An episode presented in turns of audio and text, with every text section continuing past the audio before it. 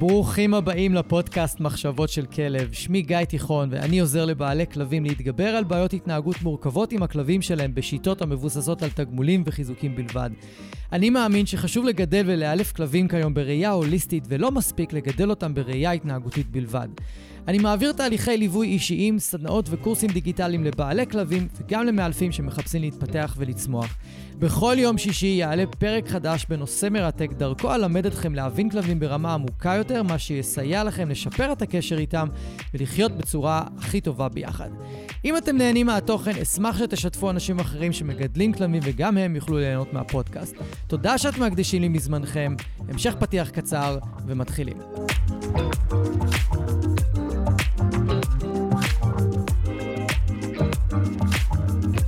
אהלן וברוכים הבאים, יקרים ויקרות, לפרק מספר 102 בפודקאסט. היום הפרק יעסוק ברגעי הערה שהיו לי לאורך הקריירה של 15 שנה כמטפל התנהגותי בכלבים.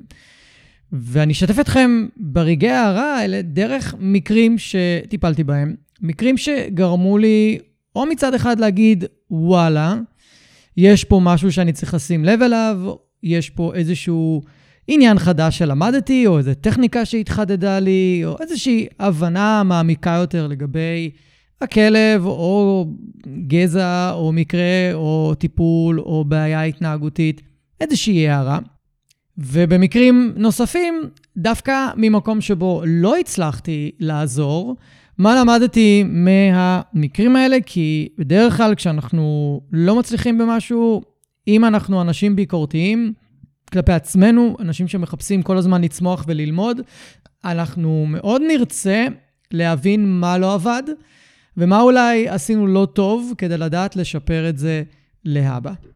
ולפני שאנחנו צוללים לפרק, אני רוצה להתחיל איזשהו מנהג חדש, ולציין איזושהי הודעה או איזשהו פידבק שקיבלתי מאחד מכם או מכן, מי שעוקב אחרי הפודקאסט. והפעם אני רוצה להגיד תודה לטניה, שכתבה לי שבוע שעבר, אה, וזה מה שהיא כתבה. היום נפרדתי מהכלבה שלי בת 18, תודה רבה לך על הפוסטים שלך. לצערי, רק לא מזמן הגעתי לפודקאסט שלך, אבל זה עזר לי מאוד, פשוט רציתי להגיד תודה. הקשבתי על אוכל טבעי, על התנהגות של כלבים רגישים ופחדנים, עזר לי להבין אותה יותר טוב, חבל שלא היה כזה דבר וידע לפני 16 שנים שאימצנו אותה. אז אה, טניה, המון תודה, מאוד מרגש לקרוא כאלה הודעות. אתם מוזמנים לשלוח לי גם, ואולי אני אקריא גם את שלכם. ואם להתייחס רגע להודעה של טניה, אז uh, באמת מכל הלב אנחנו לא יכולים uh, להלקות את עצמנו על דברים שלא ידענו, וסך הכל אני בטוח שכולנו וגם את עשית מה שיכולת, ואת הכי טוב שלך עבור הכלבה שלך, גם לפני 16 שנה, עם הידע שהיה לך. אז שוב, תודה, טניה, על ההודעה, ואנחנו עוברים לפרק.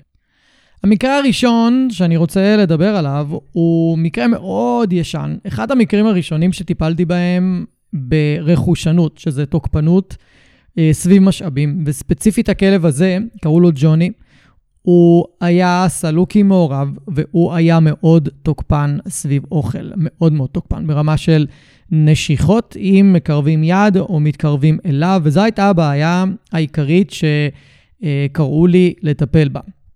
ובאותה תקופה, כשהייתי מאלף מסורתי, אז אחת ההנחיות הנפוצות סביב טיפול בתוקפנות הייתה שאם אנחנו לא מצליחים להוריד את התוקפנות של הכלב באמצעות ענישה ותיקונים, אז אנחנו צריכים להחמיר את הענישה כלפי הכלב.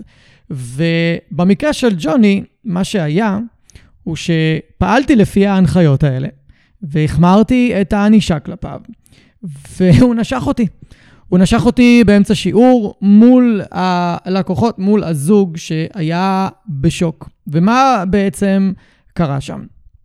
ניסינו לעבוד איתו על משהו שלימדו אותי בקורס, שהיה, אז קראו לו גם התניית נגד, אבל ההתניית נגד שלימדו אותי אז, לעומת ההתניית נגד שאני מכיר היום, רחוקות שנות אור אחת מהשנייה.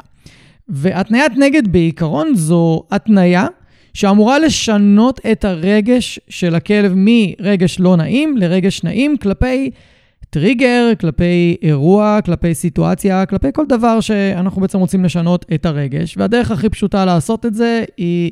ברגע שהכלב נחשף לטריגר שגורם לו לתחושה לא נעימה, אנחנו באים עם משהו שגורם לכלב לתחושה מאוד נעימה ולחוויה טובה, ואם נעשה את זה מספיק פעמים, אנחנו מקווים שהכלב ישנה את הרגש כלפי הטריגר. ופה רציתי לשנות את הטריגר של ג'וני, את הרגש שלו יותר נכון, כלפי אוכל.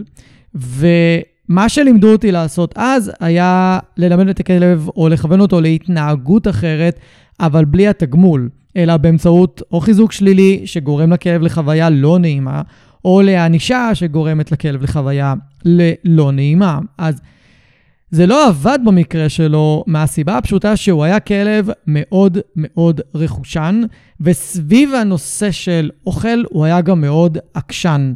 עקשן לא במובן השלילי של המילה, אלא האוכל היה לו חשוב, פלוס האימונים שעשינו לו לא גרמו לו לעבור את השינוי הרגשי.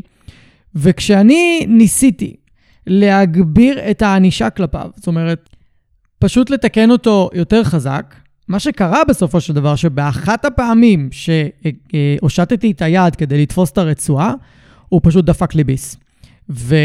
ובדיעבד זה ברור לגמרי למה הוא עשה את זה. הוא ידע שאם אני עכשיו אקח את הרצועה, הוא עוד פעם יחטוף תיקון. אז הוא לא נתן לי לתפוס את הרצועה והוא נתן לי ביס. עכשיו, זה עבד מאוד לכלב, כי באותו ביס אני לא יכולתי להמשיך ולעבוד איתו יותר, כי זה מאוד מאוד מאוד כאב. והיו לי בעצם שתי הערות ב, בסיטואציה הזאת ובמקרה של ג'וני. אחד, זה שהפסקתי ברוב המקרים להפעיל יותר כוח על כלב, במידה ואני לא מצליח להגיע איתו לתוצאות, אם אני משתמש בענישה או חיזוק שלילי, שגם בעצם מפעיל כוח על הכלב. וניסיתי למצוא דרכים אחרות שיהיו יותר עדינות כדי להתמודד עם כלבים שלא הגיבו טוב לענישה ולחיזוק השלילי. עכשיו, עכשיו, צריך לזכור שבאותה תקופה הייתי מאלף מסורתי, כזה שהשתמש בענישה ותיקונים, אם זה עם חשמל, חנק, דוקרנים, מעלתי, לא משנה מה היה על הכלב, רוב העבודה איתו הייתה סביב תיקונים וסביב ענישה ומעט חיזוקים, זה מה שלימדו בזמנו, וזה גם מה שמלמדים ברוב בתי הספר היום. ועבורי להבין שאני לא יכול פשוט להפעיל יותר כוח על כלב, הייתה איזושהי הערה מאוד מאוד משמעותית, כי זה סתר את מה שלימדו אותי בבית, בבית ספר, וגם בגלל שהכרתי עוד מאלפים שלמדו בבתי ספר אחרים, אני יודע שהם למדו בדיוק את אותה מנטרה, את אותה גישה לכלבים שאנחנו לא מצליחים לשנות את ההתנהגות שלהם באמצעות ענישה. וזה להגביר את הענישה, להחמיר אותה. אז אם זה לא עבד עם חנק, תעברו לדוקרנים, לא עובד עם הדוקרנים, תעברו לחשמל. ובמקרה שלו, אנחנו פשוט עשינו את הדבר ההפוך. אנחנו לא המשכנו לעבוד איתו באותה צורה. ראינו שזה יכול להיות מסוכן, ולא היו לי עוד כלים. וגם כשניגשתי למדריכים בבית ספר ולמורה עצמו, ושאלתי אותם מה אני עושה במצב כזה, הכלב נשך אותי, ואני לא יכול פשוט לשים לו עוד, אה, עוד אביזר ענישה, אני לא רוצה, זה, זה גם הלקוחות לא, לא רצו. לא היו להם יותר מדי פתרונות. כי בעיקרון עם כלב כזה אנחנו אמורים לשים, היינו אמורים לשים קולר אלקטרוני ולהמשיך לעבוד איתו. עכשיו, הם לא רצו, אני לא רציתי, וזה לא היה איזשהו פתרון אה, ישים מבחינתנו. עשינו את הדבר ההפוך, פשוט הרפאנו מהכלב, במקום לעבוד איתו המון על הרכושנות סביב האוכל שלו בזמן שהוא אכל, אז את כל העצמות ואת כל האוכל שלו הוא קיבל פשוט בחצר, והוא לא קיבל יותר בתוך הבית.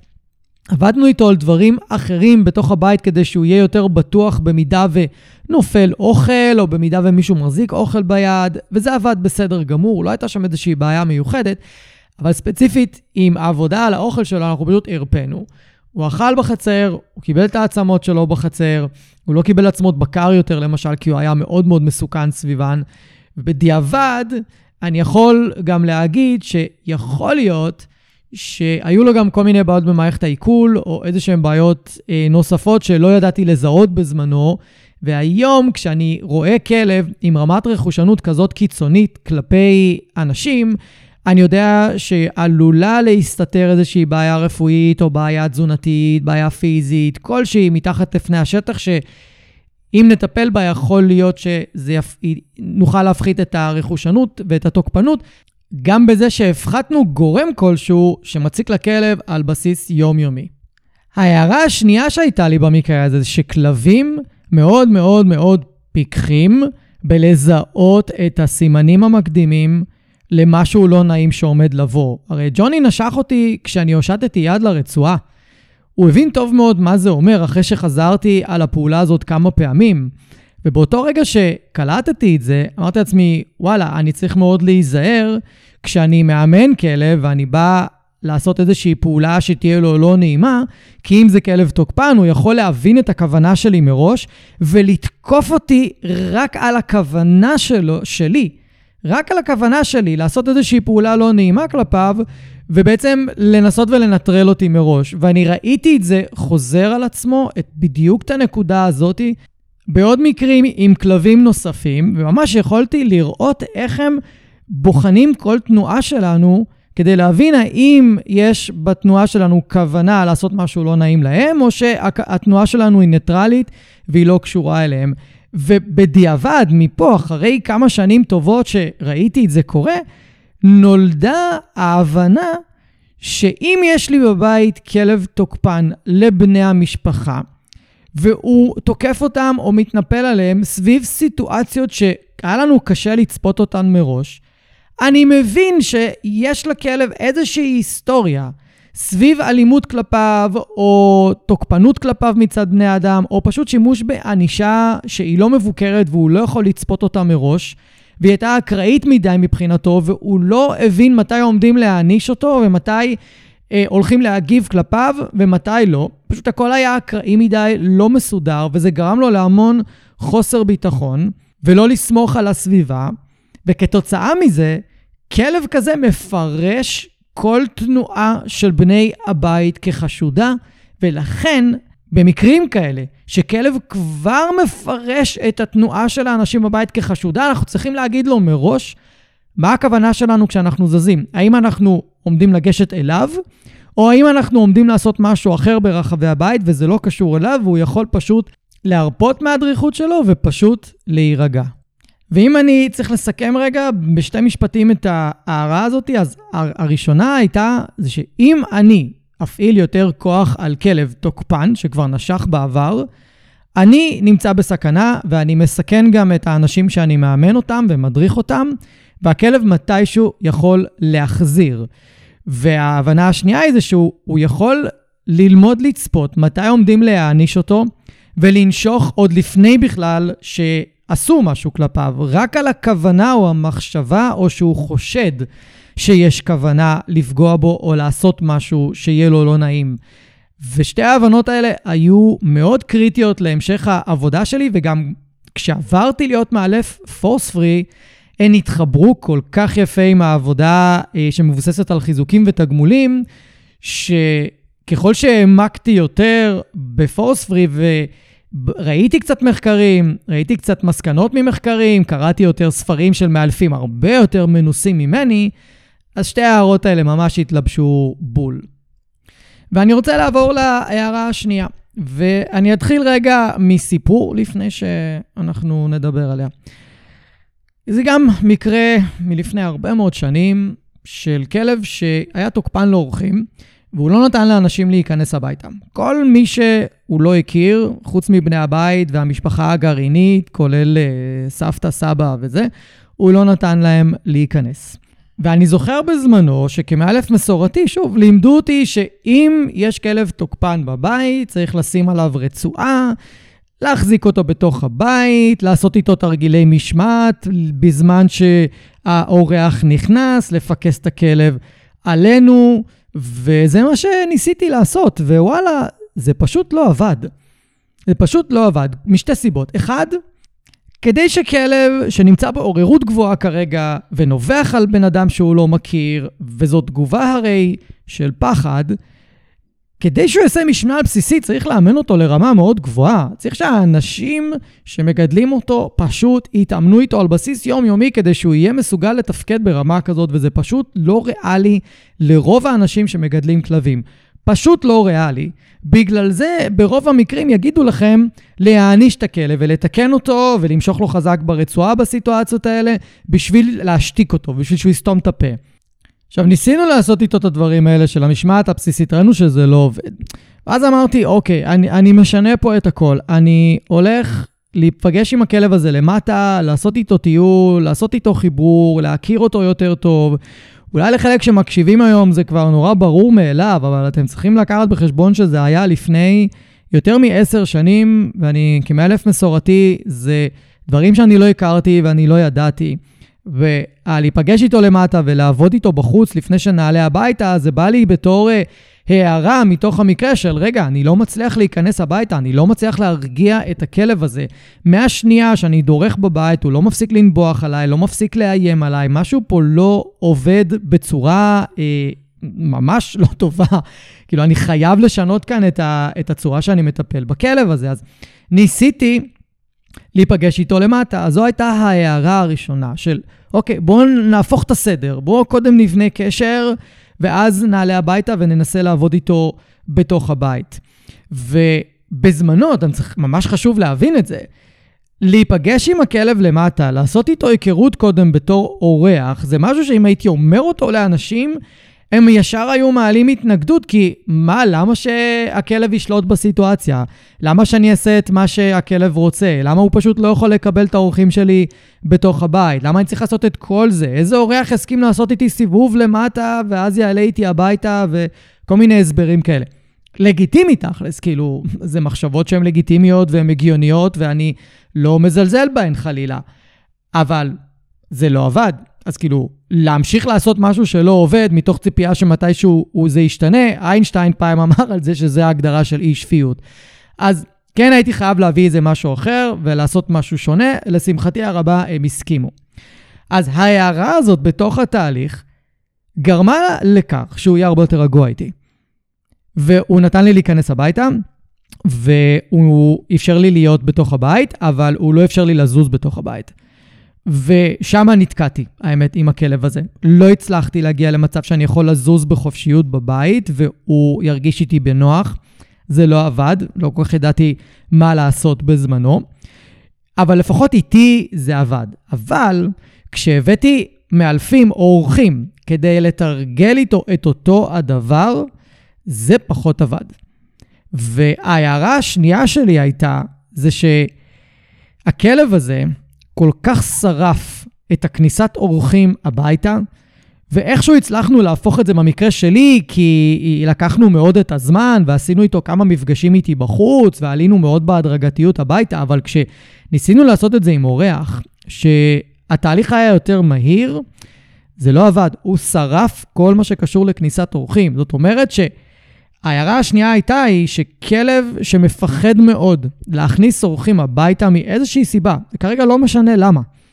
אם הוא מפחד מאוד, אנחנו חייבים להתקדם בקצב שלו. אנחנו לא יכולים ללכת לפי איזשהו פרוטוקול שלמדנו כמאלפים בבית ספר לאילוף, ששיעור ראשון עושים את זה, שיעור שני את זה, שיעור שלישי את זה, לא.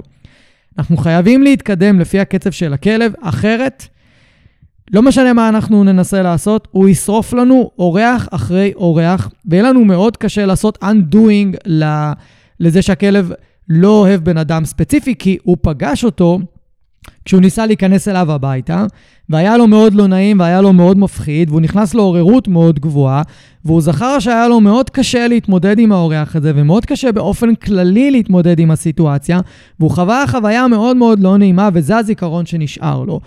ועשיתי שני פרקים שלמים רק על כניסת אורחים, אני ממש ממליץ לכם להקשיב להם, כי הדבר הכי חשוב ללמד כלב בכניסת אורחים הוא לא התנהגות, הדבר הכי חשוב הוא ללמד אותו, או יותר נכון לדאוג שתהיה לו חוויה רגועה מהאנשים שבאים. והמקרה הזה שלא הצלחתי בו, בסופו של דבר לא הבנתי איך אני אה, עובד עם הכלב הזה ומכניס אורחים הביתה. בדיעבד היום, אם הייתי ניגש לטיפול הזה מהרגע הראשון, כמו שאני ניגש היום לטפל בזה, זה היה לי הרבה יותר קל, והייתי מצליח לעזור להם ללא שום ספק. אני בטוח במיליון אחוז בזה, כי טיפלתי בכלבים הרבה יותר תוקפניים ממנו והרבה יותר מסוכנים ממנו בכניסת אורחים, והגענו איתם למצב שהם היו משמעותית יותר רגועים. אז אם נסכם את הנקודה הזאת, ההערה הראשונה שהייתה לי מהמקרה, אגב, אני לא זוכר את השם של הכלב, היא שאני חייב להפוך את הסדר בכל מה שקשור לעבודה על תוקפנות עם אורחים. אנחנו חייבים להפוך את האורחים להיות ממש כמו המשפחה הגרעינית. אין אופציה אחרת. זה או לסגור את הכלב בחדר, או להפריד אותו מאחורי שער, או שיהיה בחצר למי שיש, או במרפסת. אבל אם אנחנו רוצים שהכלב יתרגל לאורחים, הם חייבים להפוך לחברים שלו ברמה של בני הבית שחיים עם הכלב. וכשעושים את זה, ברוב המקרים הכלב מקבל את האנשים בבית והם יכולים להסתובב. ההערה השנייה הייתה שאם אני עובד לא נכון, אני פשוט יכול לשרוף אורחים. אחד אחרי השני אני יכול לשרוף אורחים ולהפוך את כל הסיטואציה של אה, כניסת אורחים להרבה יותר קשה, ואולי אפילו אני לא יכול לחזור אחורה עם אותו אורח. אני מכיר מקרים, ופגשתי כלבים, שהיו להם כל כך הרבה תקריות לא נעימות עם אנשים ספציפיים שבאו להתארח בבית, שאנחנו לא הצלחנו לחזור אחורה. אנחנו לא הצלחנו להפוך את מערכת היחסים בין הכלב לבן אדם, גם כשהבן אדם שינה את ההתנהלות שלו ועשה את המקסימום שהוא יכול כדי להתחבב על הכלב, שזה בדרך כלל פשוט לא לעשות שום דבר, אלא פשוט לבוא להתארח ולא להתייחס לכלב יותר מדי. לא הצלחנו להפוך את זה. וזו הייתה הערה ממש ממש משמעותית. המקרה הזה, לבדו, תרם לי בצורה עצומה לטיפול התנהגותי בכלבים שהם תוקפנים לאורחים. אני ממש מחשיב את המקרה הזה כאבן דרך, כאיזושהי אה, נקודה בקריירה שלי, שאני מודה מאוד על הכלב הזה, שהראה לי שיעור אחרי שיעור, גיא, אתה לא בכיוון. אתה עובד לא נכון על כניסת אורחים, אם אתה תמשיך לעבוד בצורה הזאת, אני לא אקבל אותך בצורה מלאה ואני לא אקבל את האורחים שלך.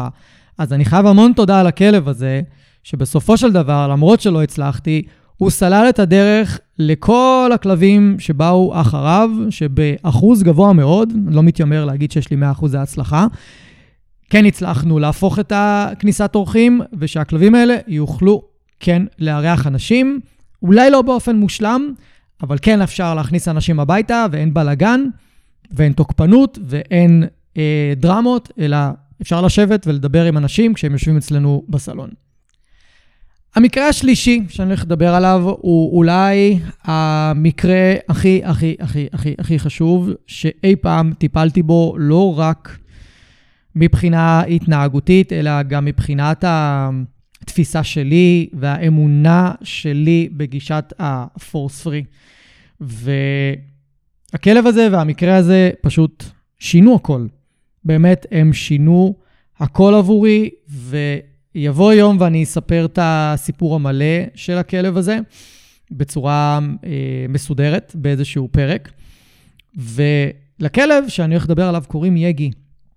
ויגי הוא היה, יותר נכון, הוא כבר לא איתנו.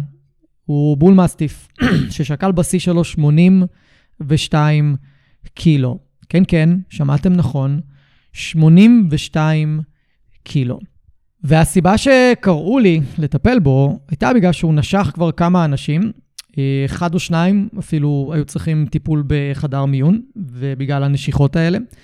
הוא עבר לפניי שלושה מאלפים שלא הצליחו לצמצם את התוקפנות שלו, וכולם ללא יוצא מן הכלל, בגלל שהוא היה כלב גדול וחזק ותוקפן, פשוט השתמשו בעוד כוח, בעוד אלימות כלפיו, אם זה אה, חנק, אם זה דוקרנים, מזלו של הכלב שהוא לא הגיע לחשמל, לא היו מוכנים לשים עליו את החשמל בסופו של דבר, הזוג שגידל אותו, אה, בתבונה רבה מאוד, הם החליטו לא לעשות את זה.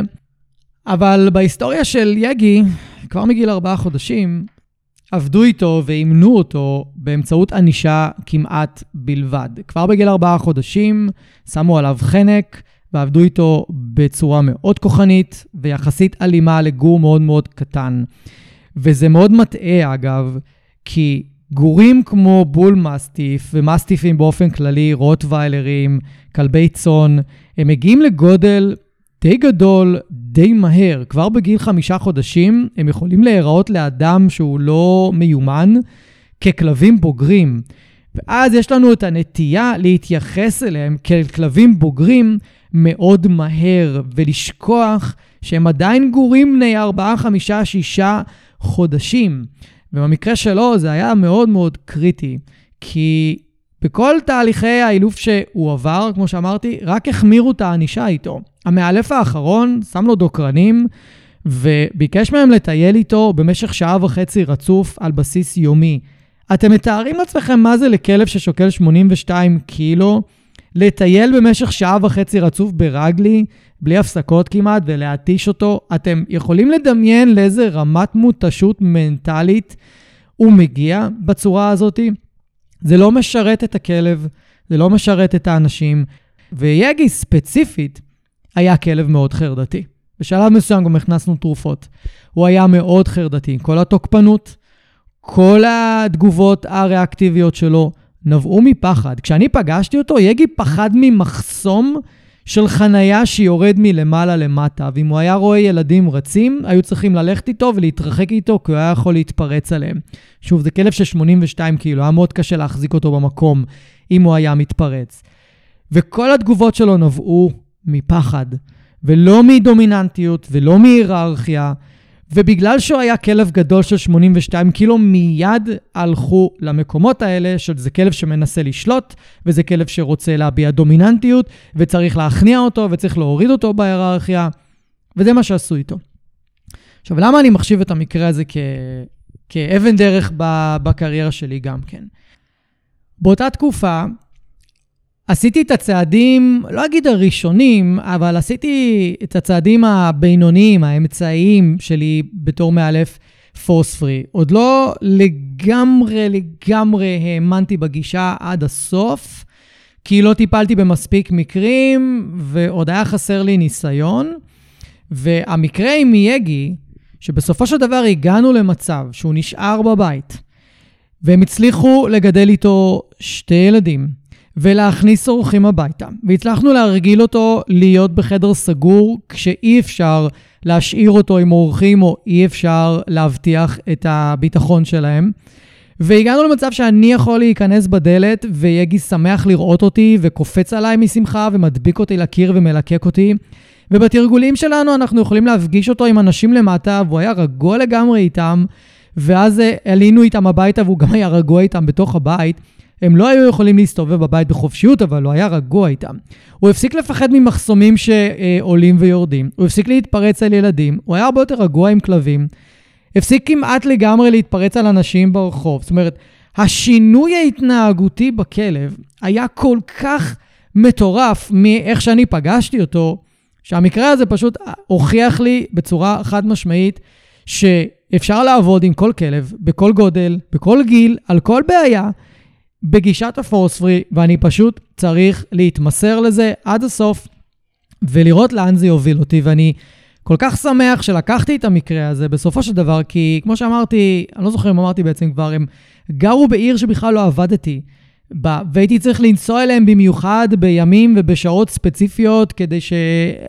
בקיצור, הייתי צריך לארגן את זה שאני אוכל להגיע אליהם, וזה היה שווה ממש כל רגע. אני מקווה שאני אוכל להביא את הסיפור של יגי בצורה מלאה בהמשך. אז ההערה שלי במקרה עם יגי הייתה שצריך להתמסר עד הסוף. ושוב, ראיתי הוכחה ברורה שככל שמוסיפים עוד כוח ועוד אמצעי ענישה ועוד אמצעי אלימות על כלב, שזה לא עובד מלכתחילה איתו, זה רק עושה יותר נזק.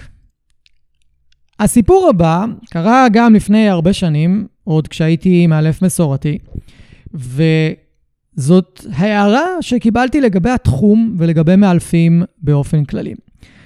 באותה תקופה עבדתי עם איזושהי כלבה על ריאקטיביות לכלבים, ופשוט אה, היינו איתה ברחוב, טיילנו וחיפשנו כלבים לתרגל איתה ולעבוד איתה. עכשיו, כבר אז אני ידעתי שאין טעם לקחת כלבה ריאקטיבית, לקרב אותה בכוונה לכלב, לחכות שהיא תתפרץ ואז לתקן אותה. ידעתי שזה פשוט לא יעבוד בצורה מספיק טובה, שאנחנו כן צריכים לשמור על מרחק מסוים ולתרגל איתה ממרחק יותר גדול, על מנת שהתרגולים והתרגילים יצליחו בטווח הארוך, ואנחנו לא נביא אותה למצב של תסכול, למצב של עוררות יתר שהיא לא מסוגלת לתפקד, ואז האנשים שאני מאמן חווים כישלון וחוסר הצלחה ולא רוצים להתמיד בתהליך, אז מכל מיני שיקולים, כבר אז הבנתי שאוקיי, אני לא יכול לעבוד ממרחקים כאלה קרובים. בטיול עצמו פגשנו מאלף אחר, שאני רק הכרתי אותו בשם, אבל זיהיתי את הפרצוף שלו, שעבד עם דוברמנית, שגורה יחסית, נדמה לי הייתה בת חצי שנה, שבעה חודשים, משהו כזה. ואנחנו מנסים לשמור על מרחק נכון עם הכלבה הריאקטיבית שאנחנו עובדים איתה מהדוברמנית. והוא היה איתה על רצועה ארוכה, ופשוט נתן לה להתקרב עד אלינו. ממש, הוא נתן לה להתקרב, וברגע שהיא התקרבה אלינו, ואני אפילו לא מבין עד היום למה. אגב, אני לא מבין עד היום למה, כי לא הייתה שום הצדקה למה שהוא עשה. היא הייתה על חנק. כשהיא הגיעה למרחק מסוים מאיתנו, הוא נתן לה משיכה כזאת חזקה ברצועה, שהיא פשוט עפה באוויר חזרה אליו. היא לא הלכה אליו, היא עפה באוויר חזרה אליו. עכשיו, אני ושני האנשים, הזוג שעבד איתי באותו רגע, הסתכלנו בהלם מוחלט על מה שראינו באותו רגע, ושלושתנו אמרנו לעצמנו, זה לא אילוף. אנחנו לא יודעים מה קרה פה, זה לא אילוף. אני ידעתי שזה מאלף. עכשיו, אני גם ידעתי איך הוא עובד, והוא עובד ככה עד היום, זה לא משהו חדש לגבי אותו מאלף. ואתם יודעים, הכל מסיפורים הרבה פעמים, ו- ולא, הרבה פעמים אנחנו שומעים סיפורים ולא רואים בעיניים שלנו. ובמקרה הזה פשוט ראיתי בעיניים שלי. הוא פשוט העיף את הכלבה באוויר. לא עצרנו לשאול למה אתה עושה, מה אתה עושה, וזה פשוט לקחנו את הכלבה והלכנו משם. אני אמרתי לעצמי, אני לא רוצה שהכלבה הזאת תקבל עוד תיקון כזה, רק בגלל שהיא באה להגיד שלום, או באה להתפרץ. אני אפילו לא יודע מה הייתה הכוונה שלה כשהיא התקרבה אה, לכלבה שלנו. הכלבה שאנחנו עבדנו איתה לא התפרצה, פשוט הסתובבנו והלכנו משם.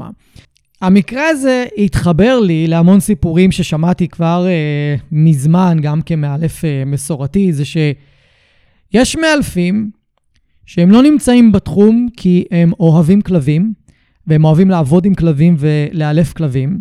הם נמצאים בתחום כדי לפרוק את האלימות שלהם ולפרוק את התסכול ואת הכעסים שלהם, ויש בהם איזשהו שמץ של הנאה או איזשהו רווח מלהכאיב לכלבים, אחרת אני לא יכול להסביר למה בן אדם קם בבוקר, הולך ועובד עם אנשים ולוקח על זה כסף, ובסופו של דבר מכאיב בכוונה לכלב, ולא רק שהוא מכאיב בכוונה, הוא גם עושה את זה בצורה מאוד אלימה ובצורה שהיא לא פרופורציונלית, ובצורה שגם יכולה להסב נזק פיזי לכלב. היום אנחנו יודעים שאם עובדים עם כלבים עם חנק או דוקרנים בתיקונים מאוד חזקים, אנחנו יכולים לגרום לשברים מיקרוסקופיים בצוואר, בעמוד השדרה שנמצא בצוואר, ואפילו יכולים לגרום לפריצות דיסק. זה כבר מוכח על ידי וטרינרים שכבר בדקו את הדברים האלה, אתם מוזמנים לחפש את החומר בגוגל, הוא קיים שם, אה, אני לא ממציא.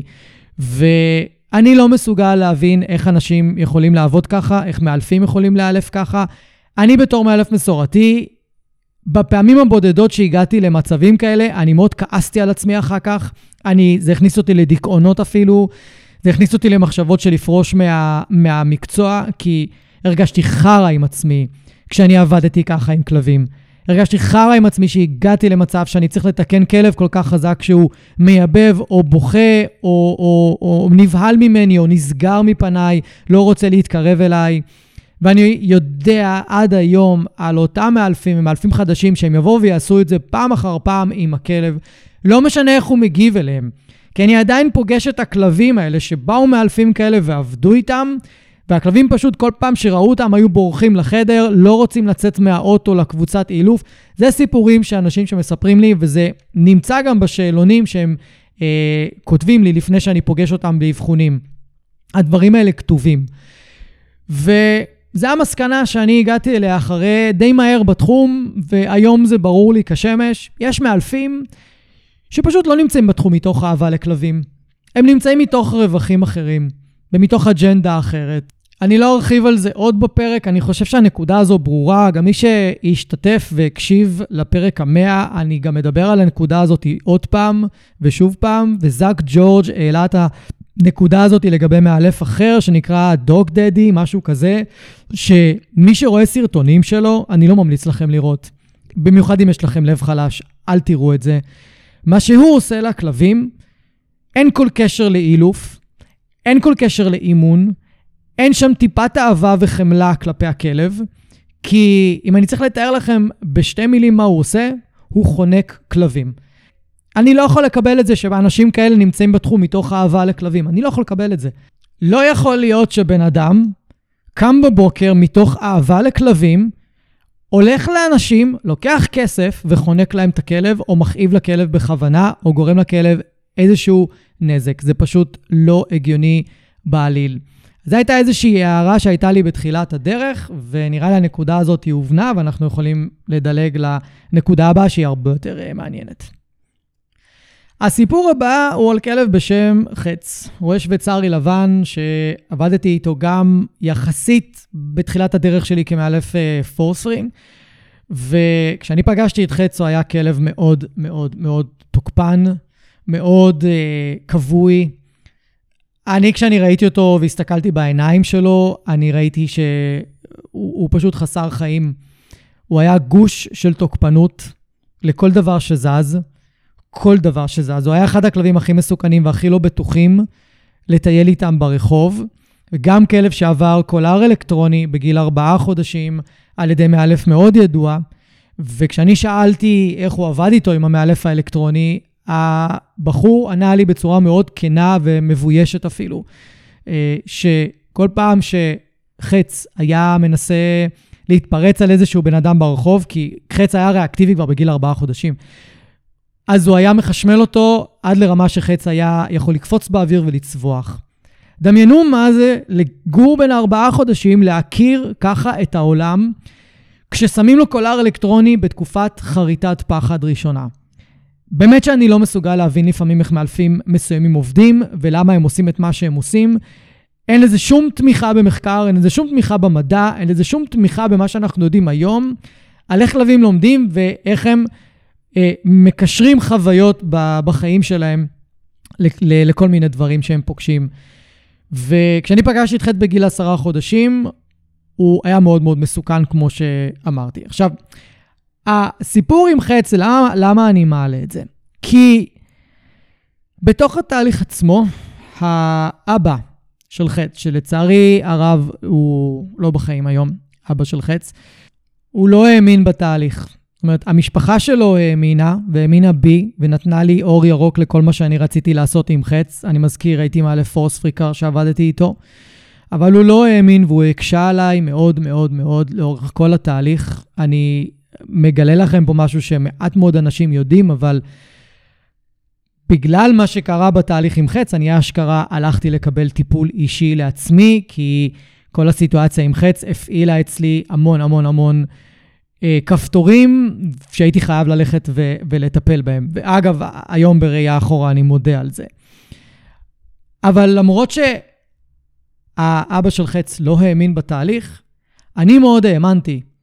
אני כבר ראיתי תוצאות בעבר עם כלבים כמו חץ, אז אני ידעתי שאם אני אתמיד, אני ידעתי שאם אני אתעקש, אני ידעתי שאם אני אעבוד עם חץ כמו שצריך ואני לא אוותר, אני ידעתי שיש סיכוי להצליח כאן ולהחזיר את חץ לרמה מסוימת של שפיות ובטיחות, ושיהיה אפשר לחיות חיים בסדר איתו. כי כשאני פגשתי אותו, חץ היה במצב רע מאוד, רע מאוד. אבל אני האמנתי. אני פשוט האמנתי, ובגלל שרוב המשפחה האמינה, ואני האמנתי, ואנחנו דבקנו בזה, ולמרות שאבא של חץ לא האמין, אני חושב שזו הייתה הסיבה העיקרית למה בסופו של דבר זה עבד. זה לא עבד מיידית, זה לא עבד על ההתחלה, לקח איזה כמה חודשים טובים עד שזה עבד, אבל בסופו של דבר זה עבד. וכשאני אומר זה עבד, למה אני מתכוון? באיזשהו שלב, כשהיה לי מאוד מאוד קשה כבר בתוך התהליך ולהתמיד איתו בגלל החוסר אמונה, נפרדו דרכנו, אה, במצב די טוב, ממצב שחץ לא היה יוצא לטיולים והיה נמצא רק בחצר, כי הוא היה פשוט מסוכן מדי לאנשים, הוא היה יכול לקפוץ לאנשים לכיוון הפנים כדי לנשוך, ככה הוא פגש אותי אגב, וראיתי אותו עושה את זה לילד שרץ ברחוב, חץ היה על מחסום כמובן. זה הגיע למצב שחץ היה יכול לטייל עם מחסום, לא להתפרץ כמעט על אנשים, לא להתפרץ כמעט על כלבים, והיה אפשר לטייל איתו, והיה אפשר להעביר איתו טיולים שלמים, אפילו גם בלי התפרצויות. ואיך אני יודע את זה? כי אחרי כמה שנים טובות, אה, אחד, ה... אחד הילדים במשפחה חזר אליי, ופשוט תיאר לי את הסיטואציה שנוצרה אצלם בבית, לא ניכנס לזה כרגע. וסיפר לי בעצם מה, מה עבר עליהם בשנים האחרונות, ש, שלא היינו בקשר בכלל. והוא אמר לי, תקשיב, אבא שלו היה מטייל עם חץ כל יום, פעמיים ביום, ולוקח אותו למקומות, לא עכשיו מטייל איתו במקומות הומים וכאלה, לא, ממש לא, אבל היה מטייל איתו בסביבת הבית פעמיים ביום, והיה יכול אה, לראות אנשים, לראות כלבים, לא, לא, לא בהכרח להיפגש איתם. אבל הוא ניהל אורח חיים די נורמטיבי עם הכלב, עם מגבלות כמובן, שלפני לא היה אפשר לטייל איתו תוקף כל דבר שזז. אז ההערה שלי פה הייתה סוג של הערה תוך כדי התהליך, אבל היא התחזקה מאוד בדיעבד. כמה שנים קדימה קיבלתי חיזוק מאוד מאוד משמעותי להערה הזאת, והיא שאנחנו צריכים להאמין, מאוד מאוד להאמין בעצמנו ובתהליך ובכלב ובאנשים שמגדלים אותו. אני מדבר עליי, מהצד שלי כ- כמטפל התנהגותי. אם אני בא עם האמונה החזקה הזאת, ואני רואה את הכלב משתפר בדמיון שלי, ואם אני רואה את האנשים שמגדלים אותו בדמיון שלי מצליחים לגדל אותו, יש כאן סיכוי גבוה יותר משמעותית שהתהליך יצליח. אני לא אומר שהכלב יהיה מושלם, אני לא אומר שאני אפתור את כל הבעיות, אבל תלוי מאוד ברמת החומרה של המקרה, אבל אם זה קרה עם חץ, וזה קרה עם יגי, וזה קרה עם עוד הרבה כלבים לפני, אז ואחרי, אז אני חושב שיש לנו, בתור המטפלים ההתנהגותיים, חשיבות מאוד מאוד גבוהה לבוא עם ביטחון שהכל אפשרי. באמת הכל אפשרי. זה רק עניין של התגייסות, עניין של משאבים, גם של כסף, גם אנרגיה, גם זמן מצד כולם. אז אנחנו יכולים להגיע לתוצאות מאוד מאוד יפות גם עם המקרים המאוד קשים. ואני חייב להגיד שזה לא תמיד היה ככה, האמונה הזאת, כי ברוב בתי הספר מלמדים אותנו שאם האנשים שאנחנו מלווים, הלקוחות, לא משתפים פעולה ולא עובדים עם הכלב, והם לא מיישמים ולא מתרגלים, אז אין לנו בעצם מה ללוות אותם, אין לנו מה להמשיך איתם. עדיף שאנחנו נפסיק את התהליך כדי שהשם שלנו לא ייפגע. ואני לא הלכתי לפי ההנחיה הזאת. ברוב הקריירה שלי כמאלף, אני לא הלכתי לפיה. גם במקרים שקיבלתי שיתוף פעולה מאוד נמוך מצד האנשים שליוויתי, כל עוד הם היו בתוך התהליך, כל עוד הם הסכימו למה שאני אמרתי וביקשתי וייעצתי, והם ניסו ליישם, כל עוד היה להם רצון, אני עשיתי הכל כדי למצוא את הדרך שהם יוכלו לתרגל ושהם יוכלו לעבוד עם הכלב ולהביא לשיפור במצב של הכלב. ואני חושב שעצם זה שלא הלכתי לפי מה שמלמדים ברוב בתי הספר, אלא הלכתי לפי איזושהי אמונה שהייתה לי בפנים, ולהגיד את האמת, זה לא אמונה שבאה ממקום טוב. זה יותר נבע אצלי ממקום של אה, חוסר רצון להיכשל, או אפילו רצון לרצות את האנשים שעבדתי איתם, או אה, פחדתי מה יגידו עליי אם אני אעזוב את המקרה הזה ולא אנסה לטפל בו עד הסוף. כאילו, זה יותר נבע אצלי מפחד, זה לאו דווקא מאיזה מקום הירואי, או לא יודע, ממש לא. ו... אבל בסופו של דבר זה עבד, עבד לי טוב. ו... הנקודה שחשוב לי להדגיש כאן היא שאנחנו בתור מטפלים, גם אם זה מטפלים לאנשים, זה לא משנה. חייבים לבוא עם אמונה מאוד מאוד מאוד מאוד חזקה, שאפשר לשפר ואפשר להשתפר ואפשר להביא להטבה במקרה עם הכלב ובטיפול. ואם אנחנו לא באים מהמקום הזה, אין לנו מה לקחת את המקרה, באמת. אני חושב שזה אחד הדברים הכי חזקים שאני, שאני למדתי, וגם קיבלתי לזה הוכחות. היו מקרים והיו פעמים שבאתי עם חוסר אמונה, ובאמת במקרים כאלה לא יכולתי לעזור. אז אני מאמין שהנקודה הזאת היא ברורה לכם, ואני בטוח שאתם גם מאוד מתחברים ומתחברות אליה, כי סך הכל היא מלו... אני בטוח שהיא מלווה אתכם במלא מקומות בחיים. ואני חושב שכשאנחנו באים ללוות אנשים ולתת שירות, אנחנו הרבה פעמים יכולים לשים משקל או את כל המשקל על האנשים שאמורים בסופו של דבר לעשות את העבודה עם הכלב. כאילו, אבל אני חושב שאנחנו צריכים מהמקום שלנו להביא את האמונה הזאת. אני יכול להמשיך להתפלסף על זה עוד שעות, אבל אנחנו נתקדם לסיפור הבא. הסיפור הבא הוא לימד אותי שלא הכל התנהגותי, ויש דברים שהם מעבר להתנהגותי. והסיפור הולך ככה. אה, קוראים לסיפור השבת השחורה, אני מספר עליה למאלפים, אני מספר עליה בכל הזדמנות שיש לי. וזה שבת אחת, אני לא אספר את כל הסיפור, כי זה ייקח לי עכשיו 20 דקות. שבת אחת שישבתי אצל ההורים שלי בצהריים, בסבבה שלי, בפנן שלי, ראיתי טלוויזיה. אה, קיבלתי שני טלפונים, אחד אחרי השני. טלפון אחד הוא מההורים של יגי, סיפרתי עליו קודם, וטלפון אחד הוא מגיל, אה, מאיתן, סליחה, הבעלים של גיל. ושניהם תיארו לי בדיוק את אותו, את אותו מקרה. הם התקשרו להגיד לי, וזה שבת. אגב, אני לא עונה בשבת לטלפונים, אבל אני ידעתי שאם שניהם יתקשרו אליי בשבת, כנראה שיש משהו קרה ויש בעיה וכדאי שאני ארים את הטלפון. שניהם תיארו לי שיגי וגיל נשכו את מישהו שבא להתארח אצלם בבית, במקרה של שניהם זה היה האחות של אחד מה, מהאנשים. וכשחקרתי לעומק את שני האירועים האלה, מה היה שם, בשני המקרים האלה אני הגעתי למסקנה שצריך ללכת לבדוק לכלבים האלה את האוזניים. ואני חשדתי שלשניהם יש דלקת אוזניים, ובגלל זה הם תקפו ונשכו אנשים שהם אוהבים, אנשים שהם מכירים, ואנשים שאין שום סיבה בעולם שהם ינשכו, אלא אם כן יש משהו חריג. ואכן כן, יום למחרת, שניהם חזרו אליי אה, ואמרו לי, צדקת. גם ליגי, גם לגיל, היו דלקות אוזניים די חמורות, מתקדמות, שלא אה, שמו לב אליהם, לא העריכו את זה מהם. וזו הייתה הסיבה שהם נשכו אנשים שהם אה, מכירים ואוהבים. עכשיו, למה אני חשדתי שיש דלקת אוזניים? סיבה ראשונה, הנשיכות היו כלפי אנשים שהם מאוד אוהבים, והנשיכה הייתה מאוד מפתיעה. זאת אומרת, לכולם. זה היה מאוד מאוד מפתיע, וזה אומר שיש פה משהו חריג, זה אומר שיש כאן משהו מעבר להתנהגותי.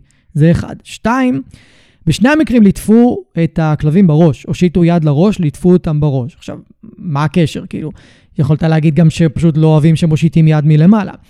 כן, אם היינו מדברים על בן אדם זר, לא הייתי חושב על אוזניים. בגלל שאנחנו מדברים על בן אדם מוכר, שליטף את הכלבים האלה בראש כבר המון המון המון פעמים, מה קרה הפעם שהם נשכו אותם על זה שליטפו אותם בראש?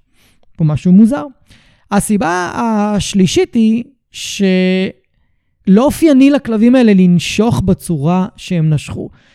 שניהם היו נושכים בדרך כלל או על כניסת אורחים או סביב משאבים. והפעם הם לא נשכו לא סביב אורחים ולא סביב משאבים. האורחים שהיו בבית זה אנשים שהם מכירים ואוהבים. זה לא בן אדם זר שנכנס פתאום הביתה. זאת אומרת שיש כאן שלוש סיבות שהן לא טיפוסיות, שמעלות חשד שיש כאן משהו מעבר.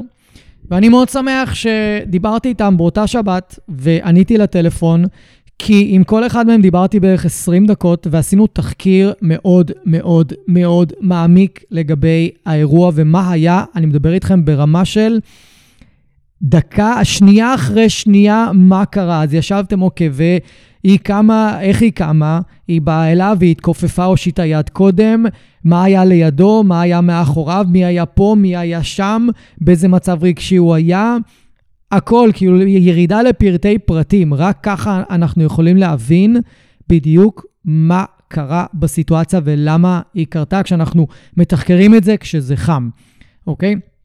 המקרים האלו, שניהם ממש הבהירו לי עד כמה אני צריך להיות חד וחד הבחנה, האם אני מתמודד עם בעיה התנהגותית, או שהאם אני מתמודד גם עם בעיה רפואית, או בעיה פיזית, או כל דבר אחר, ומפה בעצם נוצרה בכלל כל הגישה ההוליסטית שאני מדבר עליה, שאני חייב תמיד לבדוק שהכלב בריא תזונתית, בריא פיזית, בריא רפואית, בריא נפשית, ואז אני יכול לבוא ולגשת לטפל בבעיה התנהגותית בצורה אה, על הצד הטוב ביותר. והמשך ישיר של המקרה הזה הוא הפעם הראשונה שהבנתי שלתזונה יש כוח מטורף על התנהגות של כלב ועל המצב הפיזיולוגי שלו. הפעם אני אספר על גילי, הכלבה שלי.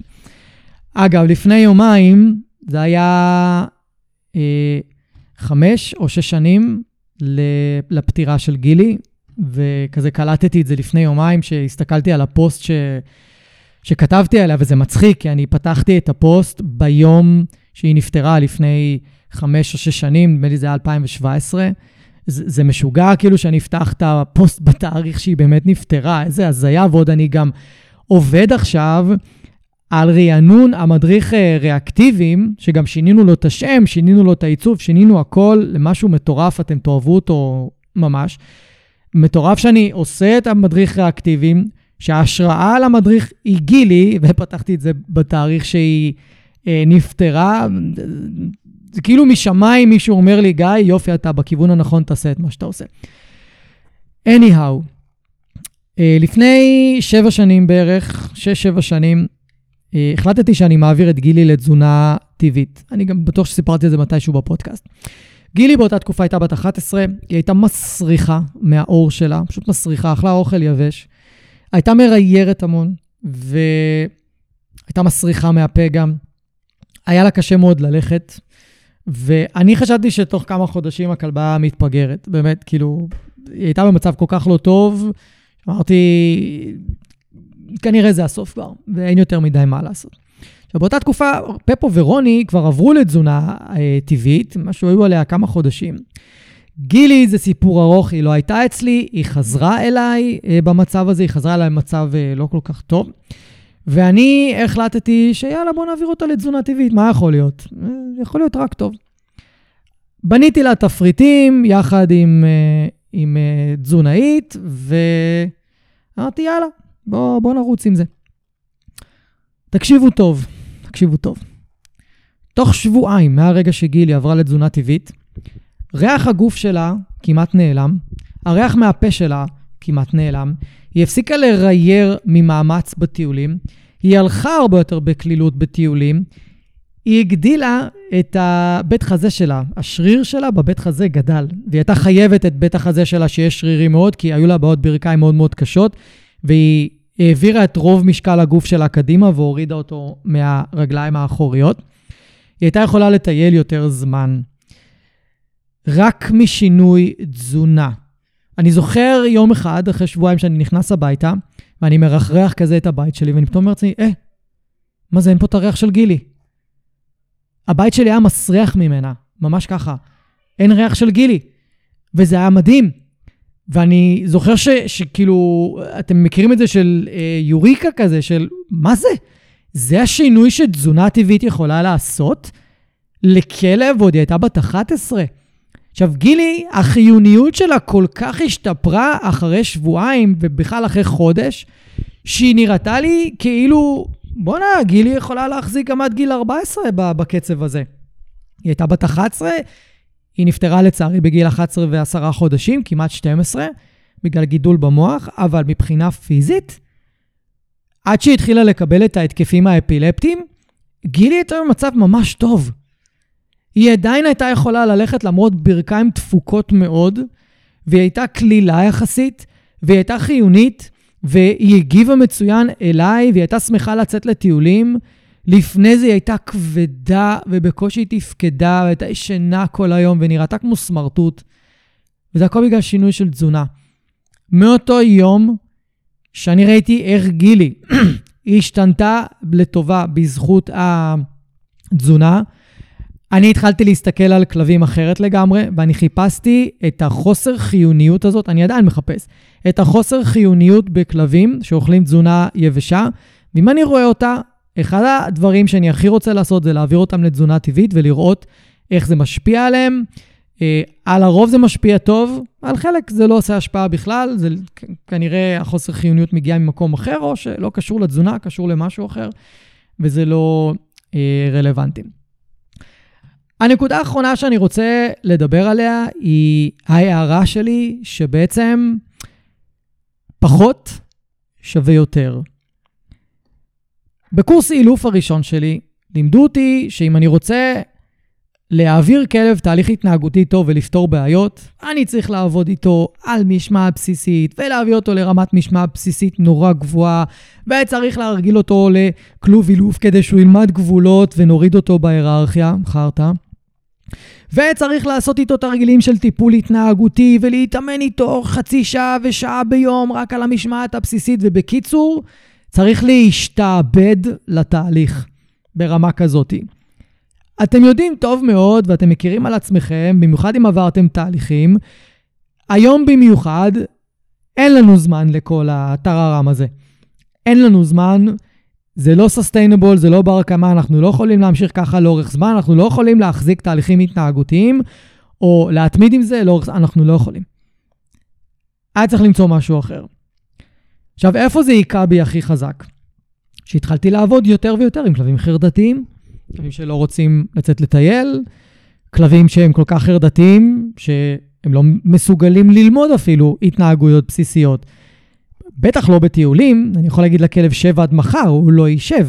אני יכול להגיד לו אליי עד מחר, הוא לא יבוא אליי. הוא כרגע עסוק בחרדה ובפאניקה מהעולם, אין סיכוי שהוא יגיב לשום דבר שאני מבקש ממנו, אלא אם כן אני עושה את זה באמצעות ענישה או חיזוק שלילי ואני מכאיב לו, כדי שהוא יישב. כלבים חרדתיים, מן הסתם, זה רק יחמיר את החרדה שלהם. אז כלבים חרדתיים לימדו אותי שאני חייב לעשות הרבה פחות.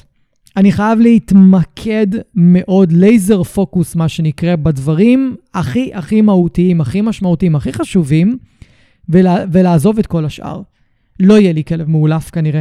לא יהיה לי כלב שאני אוכל להשוויץ איתו לאנשים על כמה הוא עושה שב יפה ונותן יד ועושה סיבוב וגלגלונים ופליק פלקים ועובר דרך חישוק אש.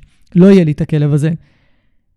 אבל אם אני אתמקד איתו, ומה שחשוב מאוד מאוד מאוד לטיפול בחרדה, אגב, טיפול בחרדה אנטי-תשעה זה אותו סיפור. שהתיאוריה הייתה, בואו נכניס את הכלב לכלוב ונרגיל אותו לכלוב ומשמע בסיסי ונטיש אותו ונטיש אותו שעות על גבי שעות במהלך היום כדי שהוא יהיה עייף ואז נצא הביתה והוא יהיה עייף והוא לא ייכנס לחרדה. בולשיט, זה לא באמת עובד. החרדה לא תלויה בכמה אנרגיה יש לכלב או אין לו. היא לא תלוית אנרגיה. אז בשני המקרים האלה, הייתי חייב בעצם לצמצם את כמות הדברים שאני מלמד במהלך התהליך, ולהתמקד אך ורק במה שקשור לטיפול בחרדה, באיך להוציא כלבים שמפחדים לצאת לטיול מהבית, ורק להפוך את הטיול שלהם לכיפי, בלי משמעת בסיסית, בלי תרגילים, בלי שום דבר, רק בוא תראה שכיף לך לצאת לטייל. רק זה, אגב, לרוב האנשים שיש להם כלבים חרדתיים שלא רוצים לצאת לטייל, זה מספיק. מבחינתם זו הצלחה מטורפת. ואם אפשר להשיג קצת מעבר לזה, בכלל, בונוס. וחרדת נטישה בכלל זה שאנחנו לא מנסים להתיש את הכלב, אנחנו משקיעים את הזמן שלנו בתרגולים של עזיבה, בתרגולים של בניית ביטחון ועצמאות לכלב. אנחנו עובדים אחרת לגמרי עם הכלב, אנחנו משפרים את הסיכוי שהוא יוכל להישאר לבד. אז כלבים חרדתיים לימדו אותי שפחות זה יותר. אם אני אתמקד, אני אצליח יותר.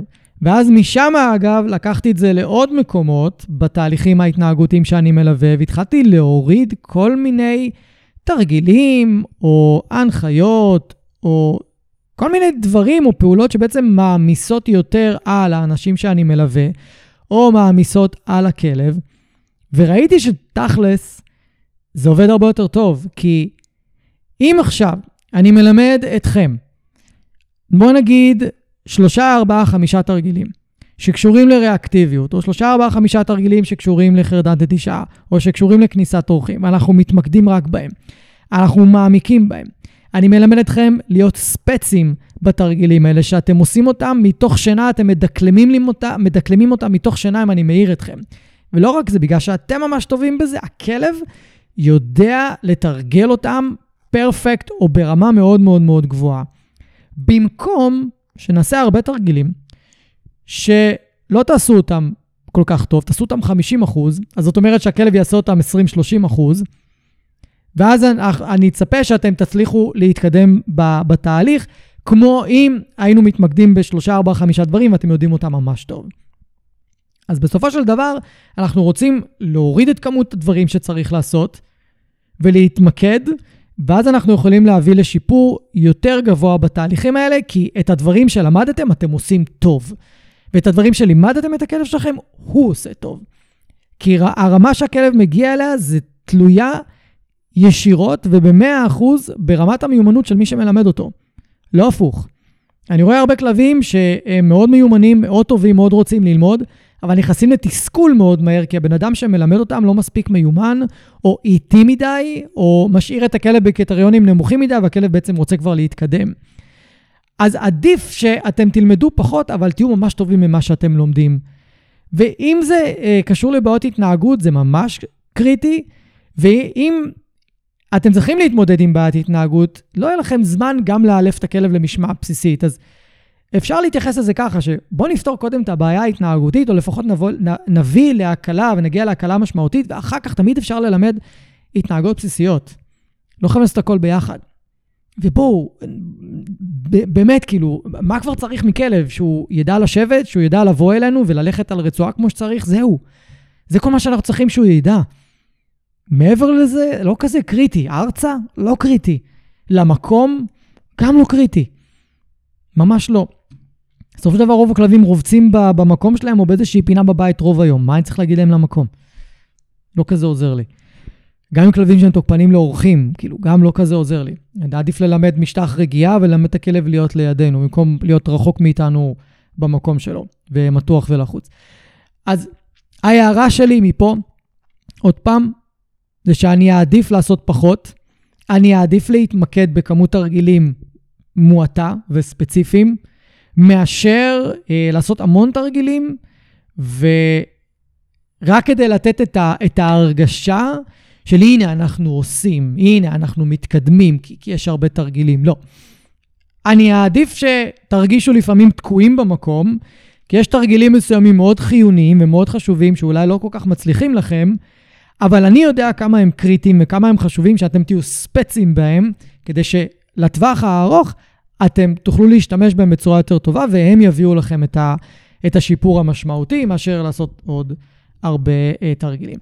אז זו הייתה ההערה שלי מהאחרונה בעצם. אני יכול להמשיך עם עוד הרבה אה, הערות. אה, כנ"ל למשל שלא הכל פתיר, לא כל בעיה התנהגותית היא פתירה, לא כל כלב אפשר להביא ל-100%. אה, ולפעמים יש מאלפים שגורמים לבעלי כלבים להרגיש שהכל פתיר והכל אפשר לעבוד ועל הכל אפשר לתקן והכלב יכול להיות מושלם אם רק תעשו א', ב', ג', ד', ה', זה לא נכון. והערה נוספת שהייתה לי כשגידלנו את לקי, שהייתה לה חרדן נטישה בגיל חצי שנה, זה שהיינו, שצריך לעשות הכל הפוך. מה שלימדו אותי בבית ספר לאילוף על חרדן נטישה, עשיתי הכל הפוך, וזה הצליח לפתור את הבעיה עם לקי. זה היה כזה הזיה באותו, באותו זמן, כאילו, אשכרה, ליטרלי, פשוט הפוך.